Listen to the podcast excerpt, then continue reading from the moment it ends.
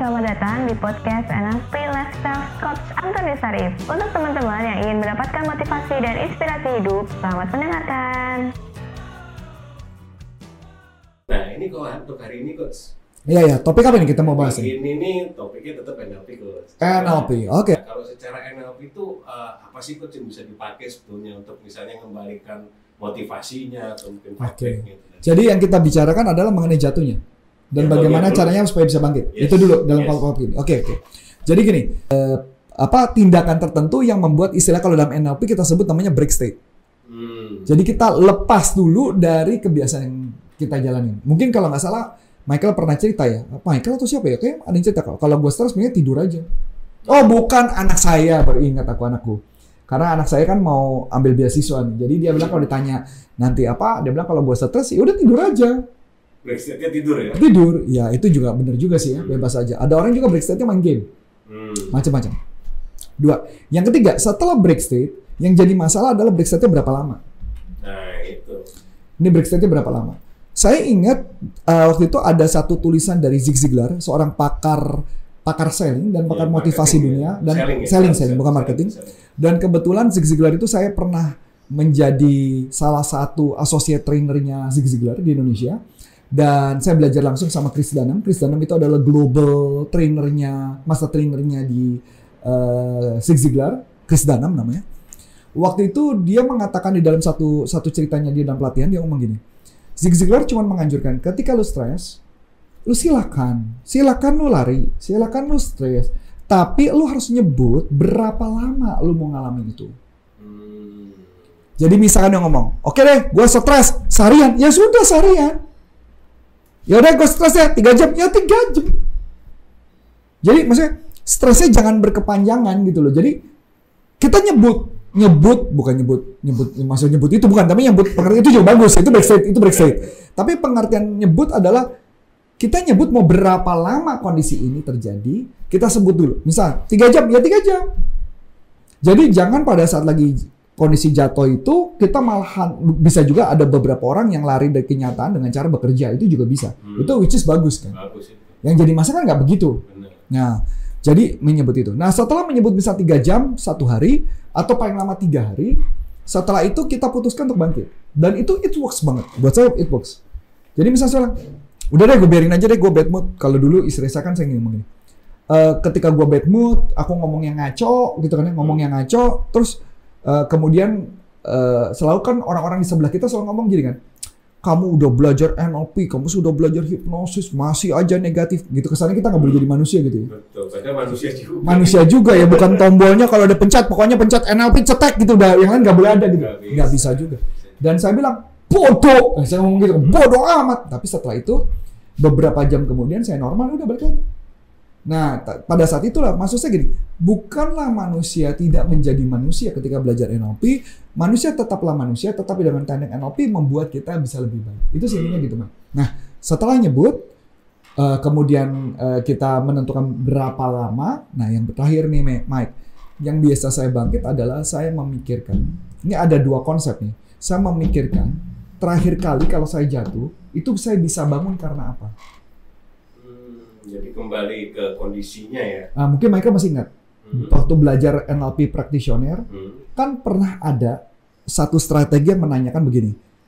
Eh, pernah nggak kita jatuh? Dan ketika kita jatuh, apa strategi dari kita yang supaya kita bangkit lagi? Masih ingat? Hmm. Nah, nah itu yang saya pakai. Nah, pada saat itu saya cari apa strategi saya ketika saya jatuh, bagaimana caranya bangkit. Ternyata strategi saya untuk bangkit simpel sederhana. Saya cuma hanya melihat siapa orang yang eh, siapa orang yang bernaung di bawah saya. Siapa orang yang saya perlu hidupi. Siapa bergantung orang sama yang saya. bergantung sama saya gitu ya. Jadi bahkan itu yang saya pegang. Bahkan pernah gini Mike. Ini ini, ini kisah nyata juga ya. Eh, mungkin kalau orang yang nonton ini dia akan ketawa-tawa gitu ya yaitu adalah salah satu itu adalah alumni kita yang sekarang udah jadi hebat namanya adalah Andre Wijaya Hmm. jadi waktu itu ingat banget saya waktu itu kondisi saya lagi jatuh lagi jatuh lagi galau dan sebagainya saya sama istri saya lagi galau berdua nggak tahu berapa lama ada chattingan Hmm. dari Andre Hmm. alumni saya itu dia cuma ngomong gini coach aku lagi down wah ternyata dia down juga Berarti lagi down nggak aku juga lagi down waktu itu kan coach aku lagi down, tapi aku ingat dengan coach Arif. Karena aku ngeliat coach Arif kayaknya nggak pernah down. Dia nggak tahu gue lagi down. Dia nggak tahu gue lagi down. Aku ngeliat coach Arif nggak pernah down. Itu loh yang membuat aku semangat dan aku bangkit lagi. Dan saat itu aku cuma pegang handphone dan gue baca itu dan gue ngomong istri gue. Aku ngomong gitu, mah kayaknya hidup kita bukan punya kita lagi loh. Mah. Hidup kita ini adalah punya orang lain. Maksudnya apa punya orang lain? Karena ketika kita down, orang lain akan melihat itu. Hmm. Hidupnya si Antonius Arif ini sekarang sudah menjadi apa ya? Model yang sudah menjadi panutan. Jadi buat kita adalah nggak boleh kita down. Dan terus terang ya, titik bangkit saya adalah itu salah satunya. Jadi kalau ditanya, eh, saya cuma hanya mencari apa alasan kenapa saya harus bangkit berdasarkan orang-orang yang saya cintai. Itu kalau saya.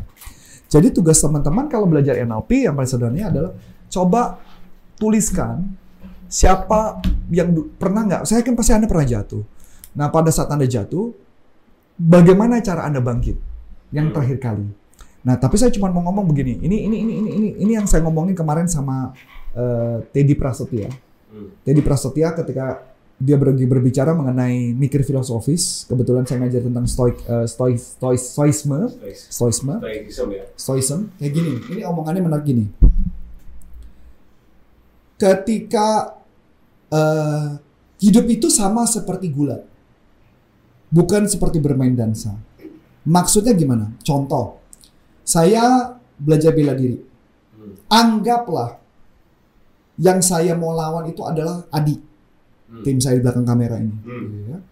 Nah, Adi ini adalah anggaplah orang yang paling jago Hmm. bela dirinya. Oke. Sedangkan ini turnamen, saya harus melawan Adi. Mau nggak mau ya? Mau nggak mau, ya karena turnamen kan harus lawan ya, Benar. lawan ya. Kemudian apa yang saya lakukan? Saya harus paring partner sama Michael. Hmm. Karena Michael persis satu level di bawahnya Adi. Hmm. Jadi kayak latihan Ya, dulu paling ya. partner, betul ya. dulu Atau minimal Michael kurang lebih mungkin sejajar dengan Adi tapi dengan gaya yang berbeda. Hmm. Atau Michael mungkin di bawahnya Adi tetapi kemampuan skillnya hampir mirip dengan Adi. Hmm. Gayanya. Biasa kan begitu ya kalau Hmm. pelatihan kan. Betul. Dan kemudian saya bertarung sama Michael. Ketika saya bertarung saya kena pukul sama Michael. Hmm. Saya kena pukul, berdarah, berdarah, berdarah. Mungkin saya kesel saat latihan itu. Tapi begitu selesai, ya kan? Biasanya kan fair play ya. Kita ngomong, eh sorry ya, sorry ya, nggak apa-apa, nggak apa-apa. Thank you Mike, thank you. sparring soalnya Sparring ya? Sparring Betul. Thank you ya Mike, udah ke, memukul gue ya Mike. Ini ketika pukulan lu ini akhirnya menyadar, gue menjadi menyadari bahwa pukulan ini akan terjadi. Adi akan mukul gue seperti itu, tapi gue nggak belum bisa menangkisnya. Hmm. Berarti saya harus belajar lebih keras lagi untuk menangkis. Jadi maksudnya gini, hidup hidup itu seperti gula, bukan seperti berdansa. Artinya, gua, saya berterima kasih kepada Michael mukul saya. Hmm. Betul nggak? Saya berterima kasih karena Michael mukul saya. Tapi pertanyaan menarik adalah, pernah nggak saya berterima kasih karena saya dipukul sama kehidupan?